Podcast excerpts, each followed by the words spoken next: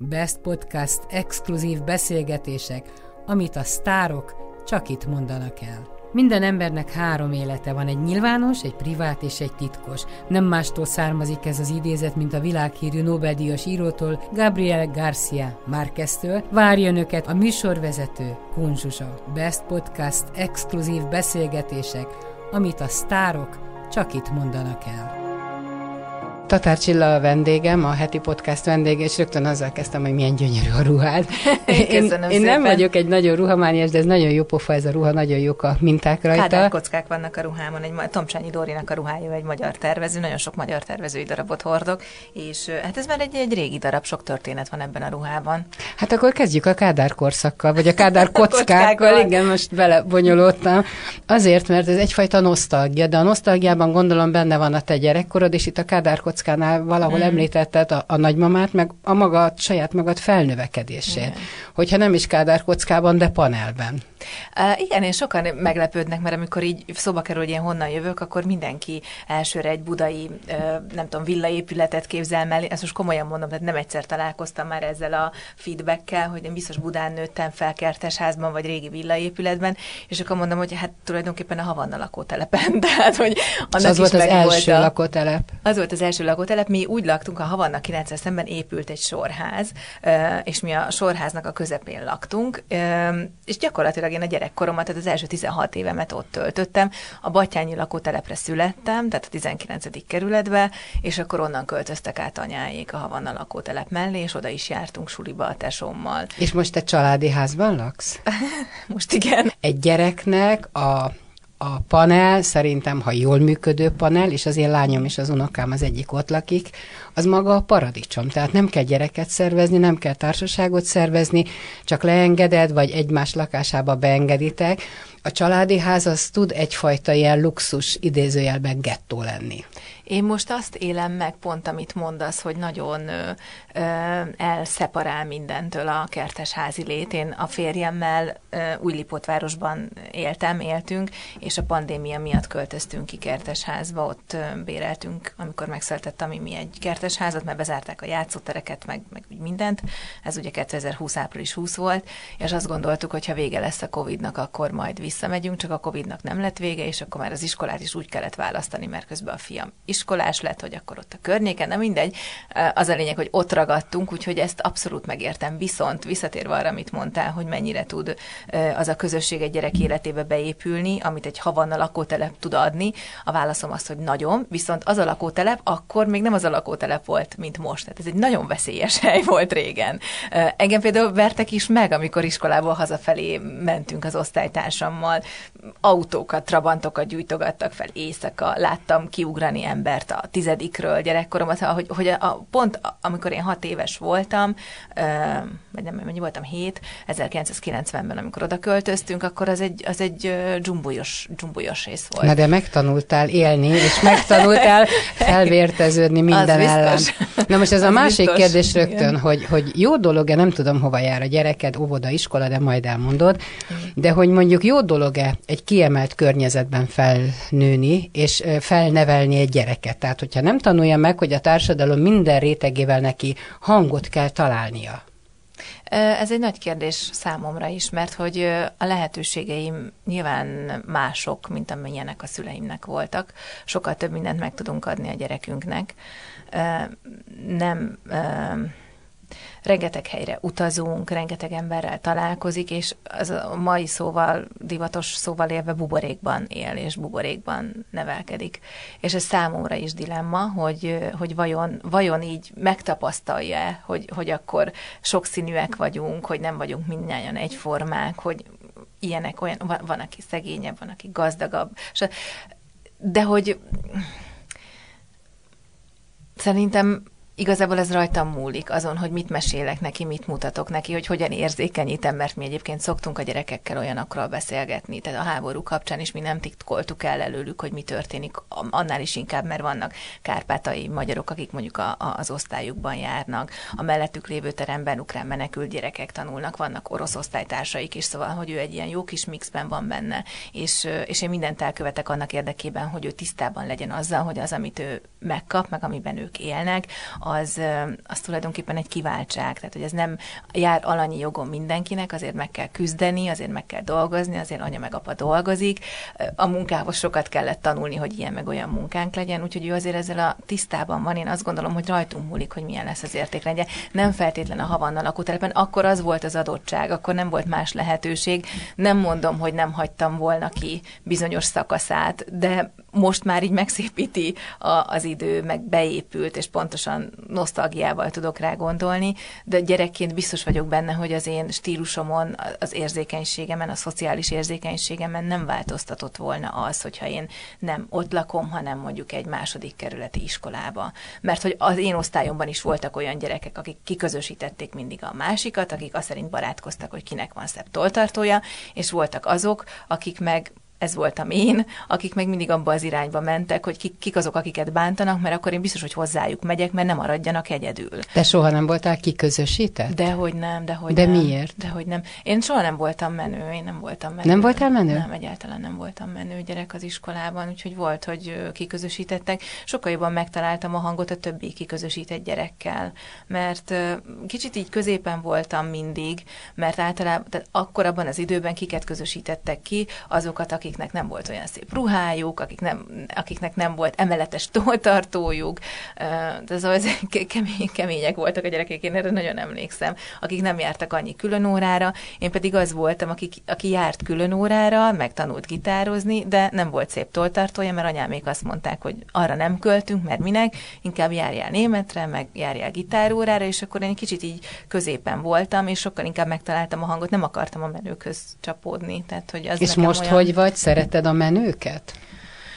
Nem a menőket szeretem, hanem a, hanem, hanem a jó embereket. Elég jó a szűrőm erre. Egyáltalán nem bírom a, az alakoskodást, borzasztóan taszít a, a hazugság, a, a smúzolás, és egy kicsit úgy összeértünk a világgal, én azt érzem régen én, én, én egy ilyen fura szerzet voltam, te is mondtad, hogy amikor egyszer találkoztunk, olyan mufurcol ültem a sarokba, és biztos haragudtam rád, holott nem, csak én azt gondoltam, meg a mai napig azt gondolom, hogy az, ahogy én a világban mozogtam, meg mozgok, az alapvetően normális, csak nem ehhez voltunk hozzászokva. A világ nem lett normális közben, mert, hogy igen. Persze, mert hogy én mindenkivel megtalálom a normális hangnemet, alapvetően mindenkivel kedves vagyok, de a kedvesség az nem azt jelenti, hogy a keblemre ölelek vadidegeneket, és össze-vissza puszilgatom őket, és rögtön húszszor megdicsérem a ruháját, és hogy kettő-három. Na, akkor rosszul indultam. De ne, ne, nem, a ruhámat bármikor megdicsérheted, nem erről van szó, meg ha tetszik a ruhája, nem akkor nagyon meg különleges. fogom dicsérni a ruháját.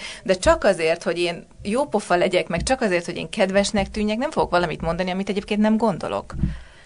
Hát van neked egy férjed. Van. Ő egy más világ, mint te vagy. Igen. Tehát az az üzleti világ. Hogy mozogsz abban a világban, amit a férjed képvisel? Hát egyrészt ugye az ő üzleti világában én nem mozgok semennyire. Tehát, hogy az, amit ő a munkahelyén végez, azt ő a munkahelyén végzi. Tehát nem vagy first lady mellette? Nem. nem, egyáltalán. Ő egyébként nem is az a típus, aki így ezt így szeretné így hangsúlyozni, szóval ő így két lábbal áll a földön. Egyáltalán nem is éreztem magamat soha mellette szeretek mellette kunos lenni, és iszonyatosan büszke vagyok rá, de egyáltalán nem éreztem azt, hogy, hogy ez most nekem fejebb kéne emelni az államat emiatt. Tehát visszatérve az eredeti kérdése, az üzleti világ az számomra egy ilyen biztonságos terep bizonyos szempontból, mert ott, ott, ott ilyen egyértelműek az irányok, hogy mi a cél, a profit, ő ezért ezt teszi, te ezért azt teszed, abból létrejön valami, és ha nyereség van a végén, akkor mindenki örül. Ha pedig nem, akkor megkeresik a problémákat. A pro- Szerintem azzal van a gond alapvetően, hogyha ezt összekeverik, hogyha ha, ha nem egyértelműek a, az irányok, és úgy azt szerint barátkozunk, hogy az érdekeink hogy kívánják. Ja, hát ehhez el kell szerintem egy bizonyos kort érni, hogy igen, az igen. ember ezeket nagyon-nagyon feketén-fehéren lássa és eligazodjon benne. Tehát igen. könnyű elcsábulni 20 évesen ebben a, meg akármelyik világban. De nem lehet, hogy ez típus kérdés. Én esküszöm, én úgy érzem, hogy, hogy én, én valahogy én nem így vagyok behúzalozva. Én gyerekkoromban se csábultam soha. Nyilván van egy értékrend, amit hoz otthonról, meg amit lát, de, de még ez sem mindig biztos. Szóval, hogy én látok olyan családokat, ahol a szülők ilyenek, a gyerek meg olyan. És ö, én nem emlékszem arra. Valószínűleg bizonyos szempontból egyszerűbb lett volna a karrierutam, vagy, vagy a fene tudja, hogyha má, más lennék, ha simulékonyabb lennék. Ha, de hát neked ha jó a karrierutad. Ér, Abszolút, én teljesen elégedett vagyok vele, csak hogyha más típusú lennék, hogyha simulékonyabb lennék, hogyha ha az emberi kapcsolataimat arra használnám, hogy, hogy mondjuk a saját karrieremet úgy építsem, ahogy azt mondjuk lehetne építeni, akkor lehet, hogy teljesen más irányba, vagy más úton, vagy sokkal gyorsabban értem volna el azokra a szintekre, ahová most elértem, de én nem, ne, nem tudnék ilyen lenni, nem lenézve azokat, akik meg így, így működnek, egyszerűen ők mások nem lenézve eszembe jut, hogy sokat szoktunk beszélgetni arról a nyitott házasságról. Engem már nem érint a dolog, de nagyon sok fiatalt, hogy megengedett vagy nem. És én mindig azt mondtam, hogy akinek ez belefér, belefér. hát annak megengedett. Uh-huh. Akinek nem, az meg találja meg a saját értékrendjét. Vagy az, hogy van egy harmadik, akit elfogad a házaspár, tehát mindenki találja meg a saját útját, anélkül, hogy bírálna bárkit is, mert ahhoz viszont Igen. nincs joga. Nehéz ezt megtanulni egyébként, hogy nem minősítsd az embereket, ez nekem is egy folyamat volt, főleg amíg sok benned a dű, vagy a tüske, amiatt, hogy igazságtalan, mert igazságtalannak érzed azért ezeket a helyzeteket sokszor. De most, hogy több négy nap múlva 39 leszek, és egy év négy nap múlva meg 40, azt Isten hiszem, hogy, ez, hogy ez beérett, és most már tudom higgadtan kezelni ezeket a helyzeteket, és sokkal elfogadóbban, mint mondjuk régen, meg ezeket az embereket. Amit nem tudok elfogadni, megkezelni, az a, az, az ártás az ártás és a hazugság, az, az nálam egy olyan gyújtópont, amire, amire nincs, nincs magyarázat, nincs mentség, de a hibákat, az emberi hibákat egyrészt azon lehet változtatni, meg esendőek vagyunk, vagy mi, tehát hogy ezek megesnek, azokkal sokkal toleránsabb tudok lenni, mint, mint korábban voltam. A gyerekkorod az felhőtlen volt? Ezt azért kérdezem, mert azt szokták mondani, hogy a felhőtlen gyerekkor, és én azt látom, hogy azért van killódás a gyerekkorban, míg az ember Persze. kitalálja, hogy, hogy nem feltétlen a szülőknek az utasításait, kérését követ, követi, jön a sajátja, akkor szembe megy, tehát ez egy nagy küzdelem, mire felnő az ember. Hát, de vajon ki mit tekint felhőtlen gyerekkornak? A te gyerekeid most felhőtlen gyerekkorban vannak? Azt gondolom, hogy igen, de az nem azt jelenti, hogy kiskirályként élik az életüket mellettünk. Biztos vagyok benne, hogy nekik is rengeteg sérülésük lesz menet közben, rengeteg hibát vétek, amit majd nem tudom, ők 30-40 éves korukban majd valami terápián fognak kibeszélni magukból, vagy akkor állnak össze a mozaikokból a képek. De akár sérülés De szerintem... lehet egy háború megélése. Beszéltek róla, beleavattad, beavattad, de hogy az ő lelkében Igen. ez milyen sérülést okoz, azt majd az utókor mondhatja meg. Igen, de azt gondolom, hogy az igazán mély sérülések azok, azok amit egy anya meg egy apa tud ö, okozni egy gyerekben. E, és amikor felhőtlen gyerekkorról beszélünk, akkor egyrésztről van bennem egy olyan gondolat, hogy Persze, hiszen engem nem bántottak, nekem volt anyukám, van anyukám, van apukám, egy csodálatos nagymamám, szeretetben nőttem fel. 16 évesen persze, hogy elköltöztem otthonról, és Persze. Kirúgtam a ház persze az oldalát, és iszonyatosan sok konfliktus volt velem, meg problémás gyerek voltam, de hogy erről most is azt gondolom, hogy ez normális, és látom a fiamon, hogy ő például olyan habitusú, mint én, az igazság bajnoka, mindent meg akar érteni, neki nincsenek kész válaszok, neki magyarázat kell, tehát ugyanolyan, mint amilyen én voltam, de de és akkor ott van a másik oldal, akik, akik meg úgy élnek, hogy nincs anyuka, nincs apuka, vagy a még rosszabb, hogy van, de bántják őket testileg, fizikailag, gyermekotthonokban nőnek fel, csapódnak jobbra-balra, na az nem felhőtlen gyerekkor, de ehhez képest én hogy merném azt mondani a sajátomra, hogy nem volt az. Sőt, szerintem mm, Szerintem jó, ha az ember nem ideál, idealizálja a gyerekkorát, hanem, hanem egy bizonyos kor után rá tud nézni úgy, hogy kritikusan. Soha és nem nekem ez... merült föl, hogy félre csuszol, mert nekem mindig az, amit figyelek, hogy hogy egy hajszálon múlik, hogy egy gyerek, egy kamasz rajta marad a jó hmm. úton, vagy a, a baráti hívásra csúszik.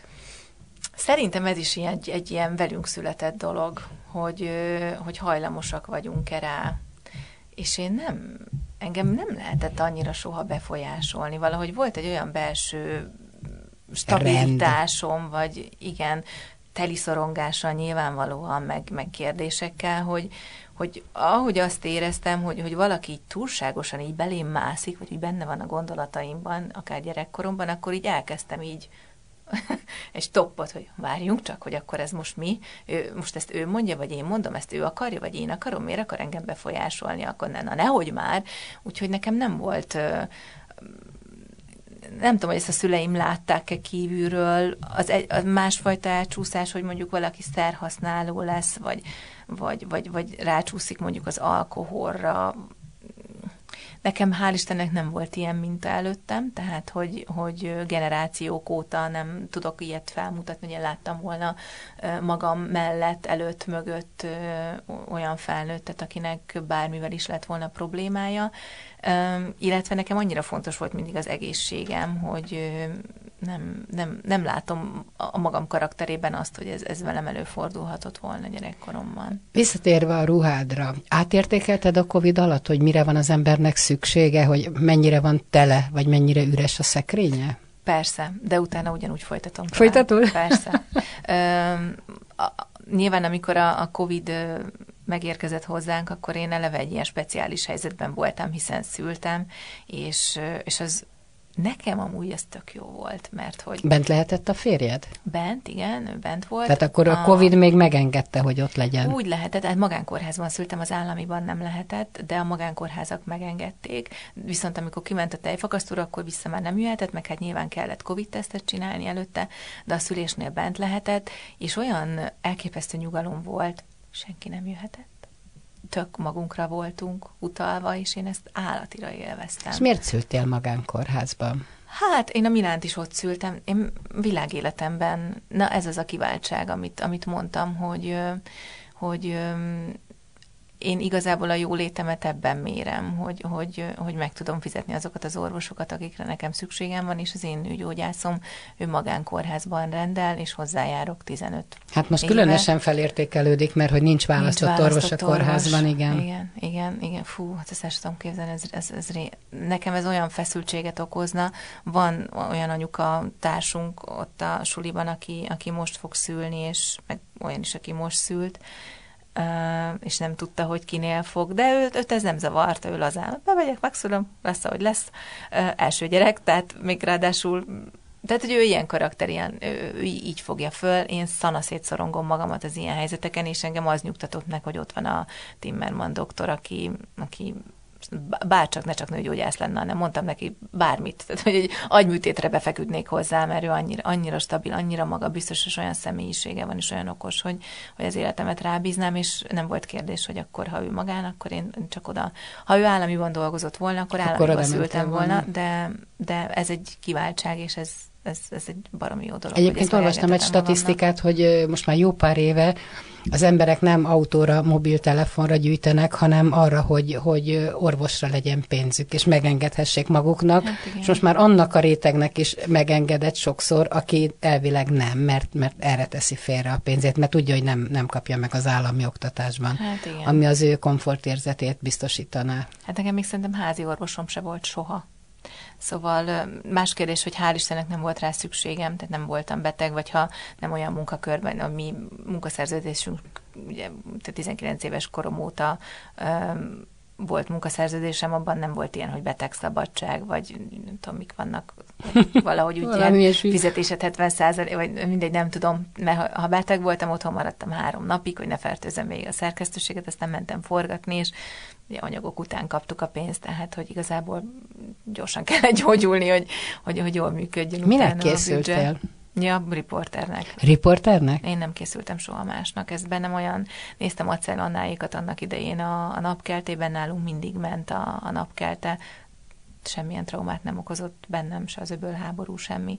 Néztem, és, és annyira lenyűgöző volt, ahogy, ahogy ők mindent tudnak, hogy mindenki őket nézi, hogy informáltak, hogy ők tájékoztatják az embereket arról, hogy mi történik a nagyvilágban, hogy kérdeznek, hogy jól kérdeznek, imádtam a Kimpadon című műsort, akkor még nem tudtam, hogy kik azok az urak, akik azt csinálják, csak egyszerűen tetszett. Aztán itt a Friderikus Show, hát attól teljesen odáig voltam meg vissza, úgyhogy nekem nem, nem is volt kérdés, hogy, hogy mit szeretnék csinálni. Nem tudtam, hogy mit, mi kell ehhez. Tehát amikor én egy közgazdasági szakközépiskolába jártam, hogy legyen normális szakmám, mondták anyáik, rémálom volt, és akkor ott kérdezgettem a pattársamat, hogy szerinted milyen egyetemre menjek, ha ezt akarom csinálni, hogy, hogy mit kéne, mert hogy ott ez nem volt ott általában mindenki vagy bankba ment el utána dolgozni, nem is nagyon tanultak tovább, és akkor mondta, hogy hát figyelj, itt van ilyen kommunikáció szak, és akkor így kezdtem el a Szegedi Egyetemen a kommunikáció szakot. Ez még a havasféle? Magyar.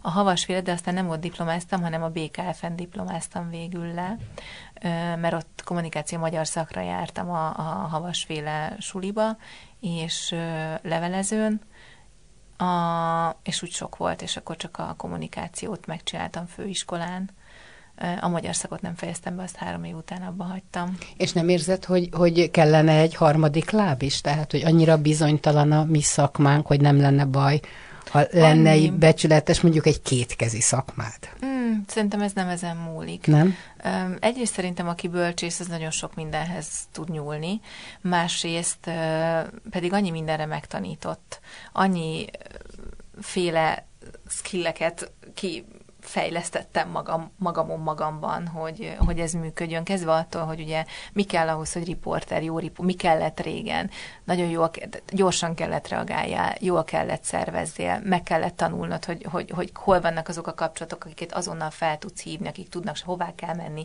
időre tudjál dolgozni, hogy strapabíró legyél. Aztán, amikor felelős szerkesztőként dolgoztam, hogy hogyan kell csapatot összetartani, hogyan kell csapatot összefogni. Aztán utána, amikor ugye jöttek az egyéb, lett social média, lett Facebook, lett Instagram, lettek rendezvények, akkor megtanultam én is, hogyan kell az üzleti világban mozogni, hogy hogyan kell brandet építeni, hogyan kell egy, egy kampányt. Én szoktam cégeknek kampányokat csinálni, hogy hogyan kell egy kampánytervet megírni, hogy mi alapján dől el, hogy egy termék, egy, egy, egy üzenet sikeres lesz-e, hogyan juttassuk el azokhoz az emberekhez, akikhez Akkor nagyon sokféle dologhoz Úgyhogy, értesz. Hogy igen, ez egy kicsit ilyen semmihez is, de mindenhez is. Ez, az, ez, ez valahogy ez az én karakterem szintén születésemtől kezdve, hogy minden érdekel, mindenbe belekapok, nagyon sokat utána olvasok dolgoknak, a lényeg megmarad, de nagyon sok minden elveszik. Uh, úgyhogy nem, nem, nem érzem azt, hogy, hogy az, hogy nincs, tudom, nem vagyok pék, vagy cukrász, vagy sév, tehát, hogy nincs egy ilyen konkrét, amit tudok mondani, az, az hátrány lenne. Mert De hogy... tudsz főzni? Nem vagyok. Nem? Hát, mindig... Nem te vagy a főszakács? Nagyon, most voltam, most a Steiner Kristófiknál voltam egy főzőtanfolyamon, uh, illetve voltam a Veganita Home-ban, Balaton-Almádin egy vegán főzőtanfolyamon, és nagyon uh, szeretnék jól főzni, de nem katasztrófa mindig. És ki főz nálatok? Ha... A Balázs, a Balázs főz a férjem, ő nagyon jól viszi a koreai konyhát, ugye ő koreai cégnél dolgozik már 20 éve, és nagyon jól érte a gasztron... érzéke is van hozzá, tehát hogy a magyar ételeket olyan, mintha a nagymamám főztjét tenném. Sos, sose receptből főz, összedobálja, megveszi, bevásárol este hétkor a online, és akkor ez pont most tegnap volt, hogy szombat este így nyolckor kitalálta, hogy akkor hívjuk át anyámékat, Mondom, jó van. Hívjuk. Szereti édesanyádékat? Igen, nagyon jó. Tehát az anyós vej, az jó, jól működik? Persze, de azért szerintem, hát azért a Balázsban 48 év, szóval, hogy ez más, mint amikor hazavisz 20 évesen, szia anya, szia apa, tehát, hogy De nem is már... anyukának, meg apukának szól. Nem, tehát mi... nem, nem. Ez, ez, ez, szóval ez, ez, ez tényleg más, amikor, hát ő már eleve úgy érkezett meg a mi házasságunkba, hogy, hogy volt, van, meg már akkor is két felnőtt gyerekkel, élettapasztalattal, kész férfi emberként, tehát hogy ő, ő, ő, nem az, akit anyuka meg apuka ott így a háttérből terelget, mert hát nincs, nincs ilyenről szó egyáltalán. És milyenek a te apósodék, anyósodék? Hát ez egy jó kis mix, de ez egy jellemző ránk is, mert ők, ők a férjemnek is elváltak a szülei, de a mai nap, tehát hogy mi, mi együtt vagyunk így a családi rendezvényeken, tehát a Mari meg a Pali haláljóban vannak egymással. Mit változtatott Igen. rajtad a, az anyasság? Szerintem az a, a fú, hát most ilyenkor mindig elkezdek hebegni, habogni, mert annyi gondolat becsúszik a fejembe. Szerintem gyakorlatilag mindent.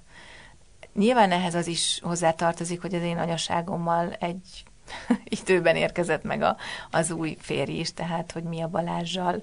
Ugye három hónapja voltunk együtt, amikor terhes lettem, meg akkor is hozzátartozik, de hogy ott, ott egy teljesen új személyiség születik szerintem onnantól kezdve.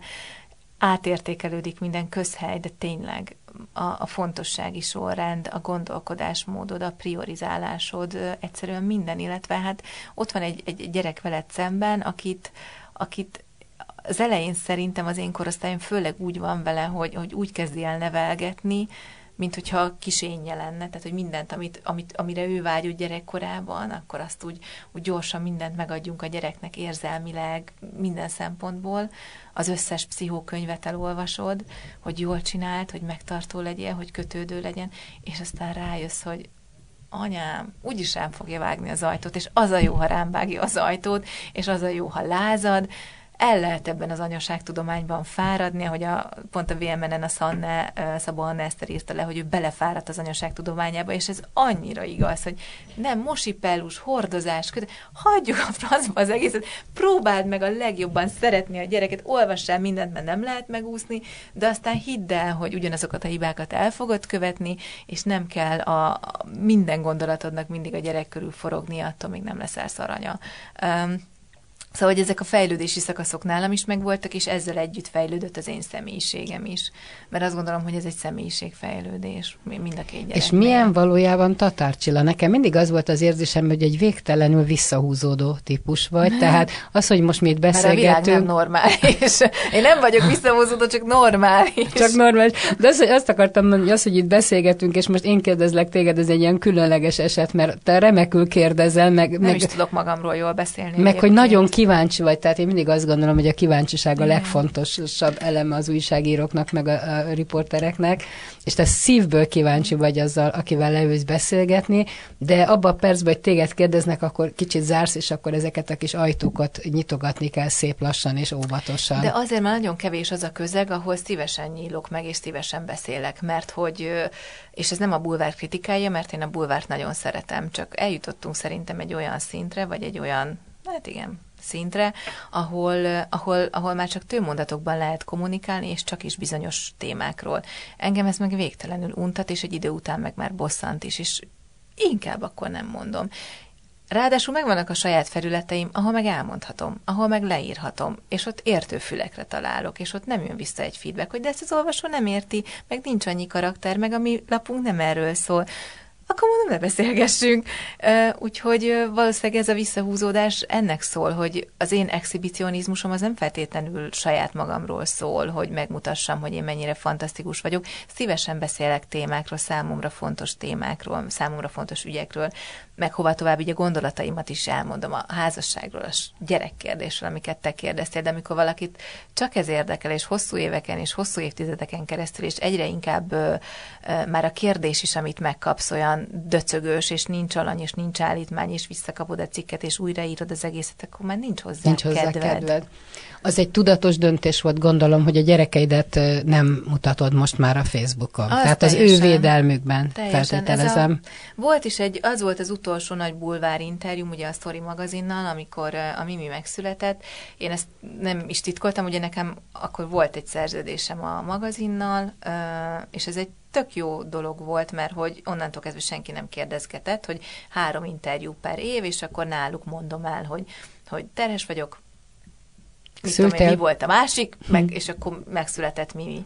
És az első kettővel semmi probléma nem volt, én tök nyugodt voltam, mert hogy bárki fölhívott, hogy és most mozog, nem mozog, kislány, kisfiú, hogy vagytok, hol laktok, ne haragudj, nem beszélhetek, mert megállapodtam, és ezt, mind, ezt mindenki tiszteletben tartotta, nem úgy, mint a Milánnal, ahol őrület volt körülöttem, tehát ezt nem kívánom senkinek, ami akkor volt, amikor a Milánnal voltam terhes, csak aztán megszületett a Mimó, én is nagyon, nyilván a hormonok is, meg, meg úgy minden, akkor megint egy új személyiség így kibontakozott, jött a Kaletta ügy, elkezdtem utána olvasni nagyon sok mindennek, rámentem a Hintalovon Alapítványnak az oldalára, elolvastam Gyurkó Szilvi összest, és azt mondtam, hogy te jó ég, hogy én mit, Mibe keveredhetsz bele? Mi, meg hogy mit csináltam eddig, amiről azt gondoltam, hogy ez ártalmatlan, hogy én blogot írtam arról, hogy milyen volt az első egy évünk a gyerekkel. Hát azok az ő Az is ártalmas?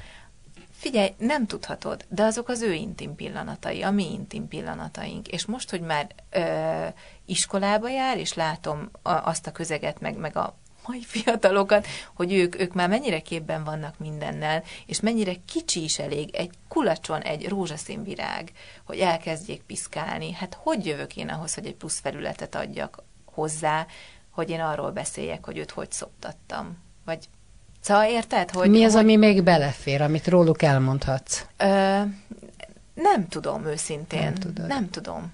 Ö, a gyerekeket nem kell eldugni, tehát hogy abban biztos vagyok, hogy, hogy nem kell úgy tenni, hogy ebben a társadalomban nincsenek gyereket, dugjuk el a hátunk mögé őket, és mert az, az a biztosan nem is látszódnak, ők vannak, élnek, léteznek, a boldogságunknak a része, és, és szívesen mesélek is bizonyos dolgokról, hogyha éppen akkor abban a szituációban úgy érzem, hogy annak helye van, de, de azért nagyon meg kell gondolni, hogy tehát arról sose beszélnék, hogy hová jár iskolába, mik a kedvenci de még talán játékokról is lehet, mert abban is van számomra egyfajta edukáció, hogy a Lego miért jó, hogy, hogy hogy csesztem el, hogy annak idején túl sok játékot vettem, és nem kellett volna ezeket a villogó, csillogó, zenélő szarokat. Szerintem ezt a szülők amit... maguknak veszik egyébként. Legalábbis Igen, én hát... annyira imádok ilyen játszani, nem volt a mi gyerekkorunkban. Na, aztán jön egy neurológus interjú, és elpakoltat veled mindent. Hát, hogy ne hűlj meg, ez a gyereket túlpörgeti, a homlok lebeny az idegrendszer, akkor összeomlasz, hogy úristen, elrontottam, mindent elpakolsz.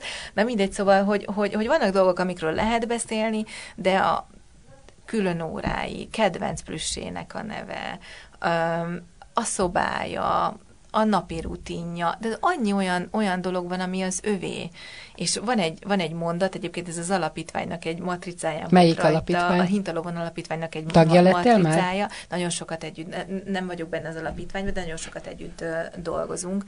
Egy kampány óta, ami másfél évvel ezelőtt indult, és azóta ilyen szoros együttműködésben Gyermekjogokról vagyunk. kampányoltok?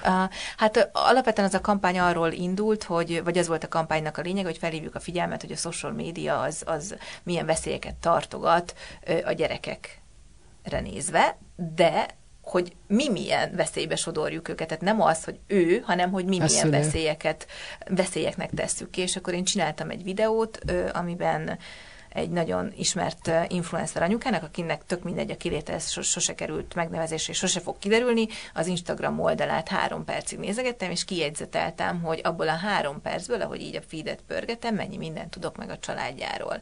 És, és utána így a kamerába egy ilyen elképzelt jelenetet eljátszottam, hogy oda megyek a, nem tudom, Katikához, és mondom, hogy gyere velem haza, mert nyilván nem az emberrablást akartam ezzel kihangosítani, hanem hogy egy, egy gyerekről, akit sose tudok, mindent tudok. Mire allergiás, mit teszik, hová járt óvodába, mi volt a jele, mikor lett szobatiszta, szoptatta az anyja, elköltöztek, harcol a tesójával, most kapott egy legót, kivel karácsonyozott, hol nyaraltak, sírt, miért sírt, mikor szokott le a cumiról, hogy hívják a nem tudom a foci tanár, minden fontos információt, ami a gyereknek a világa, az ott volt kint, és én vadidegen emberként én ezt tudhatom, és ez számomra félelmetes. Hogy van ehhez jogom? És visszatérve az a matricához, amire az volt kiírva, amikor így együtt elkezdtünk dolgozni, hogy mi leszek, ha nagy leszek, önmagam, és szerintem ez egy nagyon fontos megállapítás. Mert Egyébként ez nagyon nehéz világban élünk. Például mondok Igen. egy példát, mikor az unokámat kiviszem a, a játszótérre, nem a legkisebbet, a négy évest, egy perce nem szabad, hogy levegyem róla a szemem, mert a gyerekem azt mondja, hogy van gyerekrablás. Tehát ő tud olyanról, hogy felkapták mondjuk kisebben, és elvitték. És tudod, az jut eszembe, hogy a mi időnkben ilyen nem volt, vagy legalábbis nem tudtunk róla, mert nem volt ennyire nyitott a világ, meg nem volt Facebook, meg nem volt az égvilágon semmi. Tehát, hogy Igen. ebben a félelemben élni, hogy nem mesélhetek, nem mondhatok, nem csinálhatok, azért ez de egy ez rossz a, dolog. Igen, de hogy ez a lényeg, hogy meg kell tanulni ezt nem nem, félelemből ö, intézni az ügyeidet a gyerekekkel kapcsolatban, ami marha nehéz, én ezt elhiszem, de egy idő után az embernek annyira a napi rutinjává válik. Lefotózom én is azokat a pillanatokat, amik kedvesek nekem, és annyira nyilván világák küldtani, meg gyönyörűek, okosak, szépek. De hát, de, de most már tudom, hogy és már nincs is hozzá minek. Tehát, hogy, hogy akik engem követnek, vagy akik engem szeretnek, azok pontosan tudják, hogy mik, a, mik, a, mik az én elveim, hogy milyen értékek szerint élek, meg talán még azt is, hogy, hogy milyen értékek mentén nevelem a gyerekeimet. Most azért kitenni egy szülinapi tortáról, egy, ahogy fújja el a gyerek a, a képet, hogy az mi, engem? Minek? Ugyanolyan, mint az összes többiek De elfújja. hogy az rólam szól, Igen. hogy de csodálatos anya vagyok, úristen, látjátok, hiszen még de csodálatos vagyok Szeressetek Igen. még jobban, hiszen én olyan csodálatos vagyok. Nem a gyerekről szól, és ez annyira szomorú. Igazad van. Egyébként, egyébként teljesen igazad van. Volt-e az életednek olyan szakasza, nehézség, amikor neked volt, mert az előbb mondtad a neurológust, hogy a játékokkal kapcsolatban, de amikor te vettél, vagy te vettél igénybe szakembert. Mindig? Mindig? minden pontján szükség lenne rá. Nem mindig talál, tehát lom meg a megfelelő szakembert. Most is pont egy ilyen nagy útkeresésben vagyok. Nekem a öt évig volt a terapeutám, az Almási Kitti. Akkor hány éves voltam? Szerintem a, har, tehát mondjuk 25-től 30-ig jártam hozzám. De miért? Ez érdekes, mert amikor az ember leül a pszichológusa elé, akkor én gondolkoztam, és ez tökre megvan bennem, hogy mit fog neki mondani. Hogy megkérdezi, hogy mi a baj, de nem tudom elmondani, azért vagyok itt. Csak olyan nem jó, valami nem jó. Hogy túl sokszor van diszkomfort érzetem, túl sok a konfliktusom, túl, túlságosan úgy érzem, hogy így háborog a lelkem, de hogy nem tudom azt mondani, hogy ez a baj, ezért jöttem, gyógyíts meg, és mint kiderül, ez teljesen oké. Okay. Úgyhogy... De akkor mivel kezditek a beszélgetést? Már nem emlékszem, hogy hogy volt, hogy mivel kezdtük a, a beszélgetést, de hogy azért ez, ez, egy, ez egy kemény és hosszú út, és nagyon jó. Én nekem nagyon-nagyon-nagyon sokat segített az a, az a sok-sok év, amit a Kittihez jártam, egy kiváló terapeuta, és azt gondolom, hogy hogy azt azért, tehát nagyon mélyen azt gondolom, hogy nagyon-nagyon meg kell fontolni, hogy kihez ül le az ember, mert, mert ma már nagyon sok Kókler van. Kókler Én mondok egy példát, ugyancsak a, egy másik családtagom egy konfliktusos helyzetben elment, ahol az volt a tanács, hogy szakítson meg, volt 15 éves, szakítson meg minden kapcsolatot az édesanyjával. Zokogva ment haza, azt se tudta, mit csináljon. Na hát igen. Hát na, ezért mondom, hogy me- meg hát nagyon rossz irányba, tehát amikor a terapeuta mondjuk a saját problémái mentén egyengeti a pácienst, vagy, vagy nagyon mélyen belemegy az életébe, akkor az azért veszélyes tud lenni. Tehát mi például a Kitivel, amikor abba a terápiát, mi utána barátok lettünk, és én nem mehetek hozzá többé terápiára. Azért, Utána, mert a barátja lettél. Így van, mondta, hogy ne haragudj, de átléptük azt a pontot, amitől én szakmailag nem tudom ezt vállalni. És mondtam, hogy de Kitti, most, most akkor 30 voltam, 40 vagyok, kell újra egy terapeuta, mert most már megint annyi minden van a fejemben. Te a barátnőddel ilyen formán nem beszélheted, meg kevés ő hozzá? De, de az más, mint egy terápia. Elmentünk borozni persze, de az nem, amikor borozol, bocsánat, az nem egy terápia, vagy amikor beülsz egy olasz tésztára, azért az, az, az egy teljesen más út, mint amikor ízekre szednek, új, új gondolatok, emlékbetörések, felismerések, hazamész, néz ki, nézel ki a fejedből, házi feladatok, nem? és akkor ja, ja, jönnek ezek az érzések, és akkor egyszer csak összeáll a kép. Azért az egy kemény terápia, annak való, aki bírja, vagy egy kemény út, de én, én nagyon szeretem. Én, nekem ez tök fontos, hogy, hogy saját magammal kapcsolatban is legyenek megválaszolatlan kérdéseim, és utána megtaláljam rá a válaszokat. Az igaz, hogy én még nem voltam ilyen terápián, hogy ott van a papír zsebkendő, mert előbb-utóbb szükség lesz rá. Igen. De van egy olyan hangulata, tényleg én emlékszem rá, hogy, hogy már csak elég volt, hogy így leüljek, és így... Zogogtál, mi potyogtak a könnyeid. Persze, teli van papírzsepivel, igen, mindig ott van melletted a, papír, a papírzsepi. Egy hiány 40 leszel, ez egy okoz hiány. benned bármiféle gondot? Um, akkor tud gondot okozni szerintem, hogyha ha az ember nem tart ott, ahol akar tartani, mikor annyi idős. Nem mondom, hogy nem voltak nekem sem mély pontjaim a saját ö, karrierutamat illetően, hogy, hogy akkor ho, ho, hova tovább, mi, mi az, amit én még elvállalhatok, mi az, amire nemet kell mondjak, hogyan építsem fel azt, amit most felépítettem, a, a saját céget, a, a saját műsorgyártást, a saját dolgaimat, hogy, hogy most már ne csak szerkesztőként, hanem producerként is komolyan vegyenek, és azért ez nem, nem, mindig, nem mindig egyszerű, de azt gondolom, hogy pont amiatt, hogy én olyan típus vagyok, aki nagyon szeret lemenni a mélyre, aztán amikor ott így jól megmártózott, akkor úgy felszívva magát visszajönni a felszínre, pont ott tartok, ahol tartanom kell, vagy tartani szerettem volna. Úgyhogy nekem... Észrevettem a kezeden tetoválást. tetoválást Aha, ennek van jelentősége? Biztos. Igen, férjem szerint kapuzárási pánik. Egész életemben akartam tetoválást, Most került föl? És akkor mondtam, hogy most akkor tetováltatok. Hát egész életemben akartam, miért ne csináltatnám?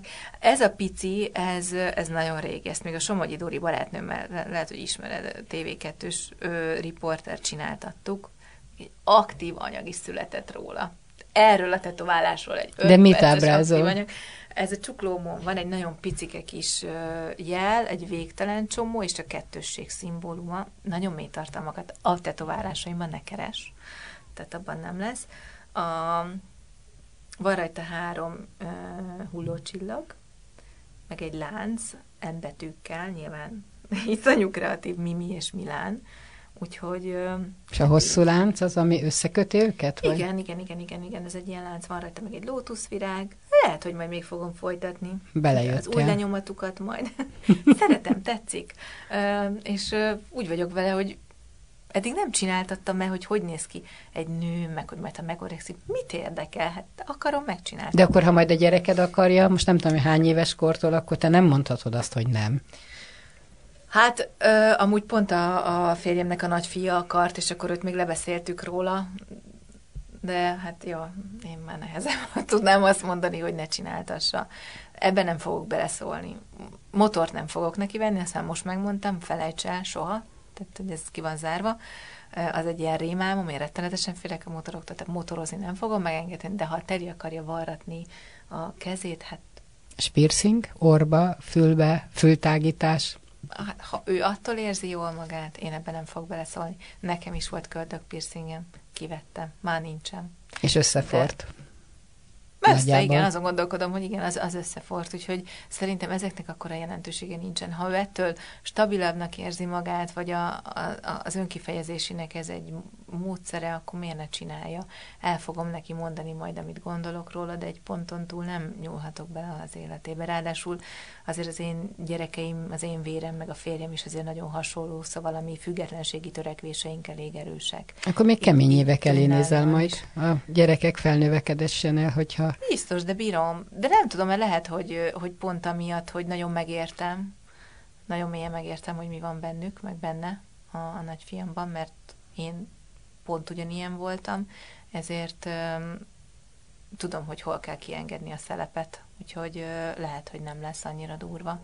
Köszönöm szépen Tatár Csillának. Nagyon szépen köszönöm én is.